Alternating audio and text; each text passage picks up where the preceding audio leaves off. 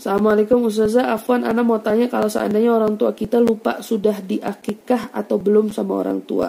Terus kita mau berkurban boleh nggak? Sebaiknya gimana? Ya boleh. Akikah itu tanggung jawab orang tua Adapun kurban itu kan individu.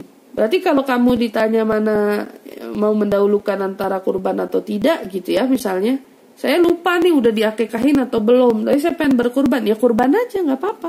Bukan sebaiknya gimana ya sebaiknya kurban dulu kalau ditanya karena kurban itu kewajiban kita. Adapun akikah itu kewajiban orang tua.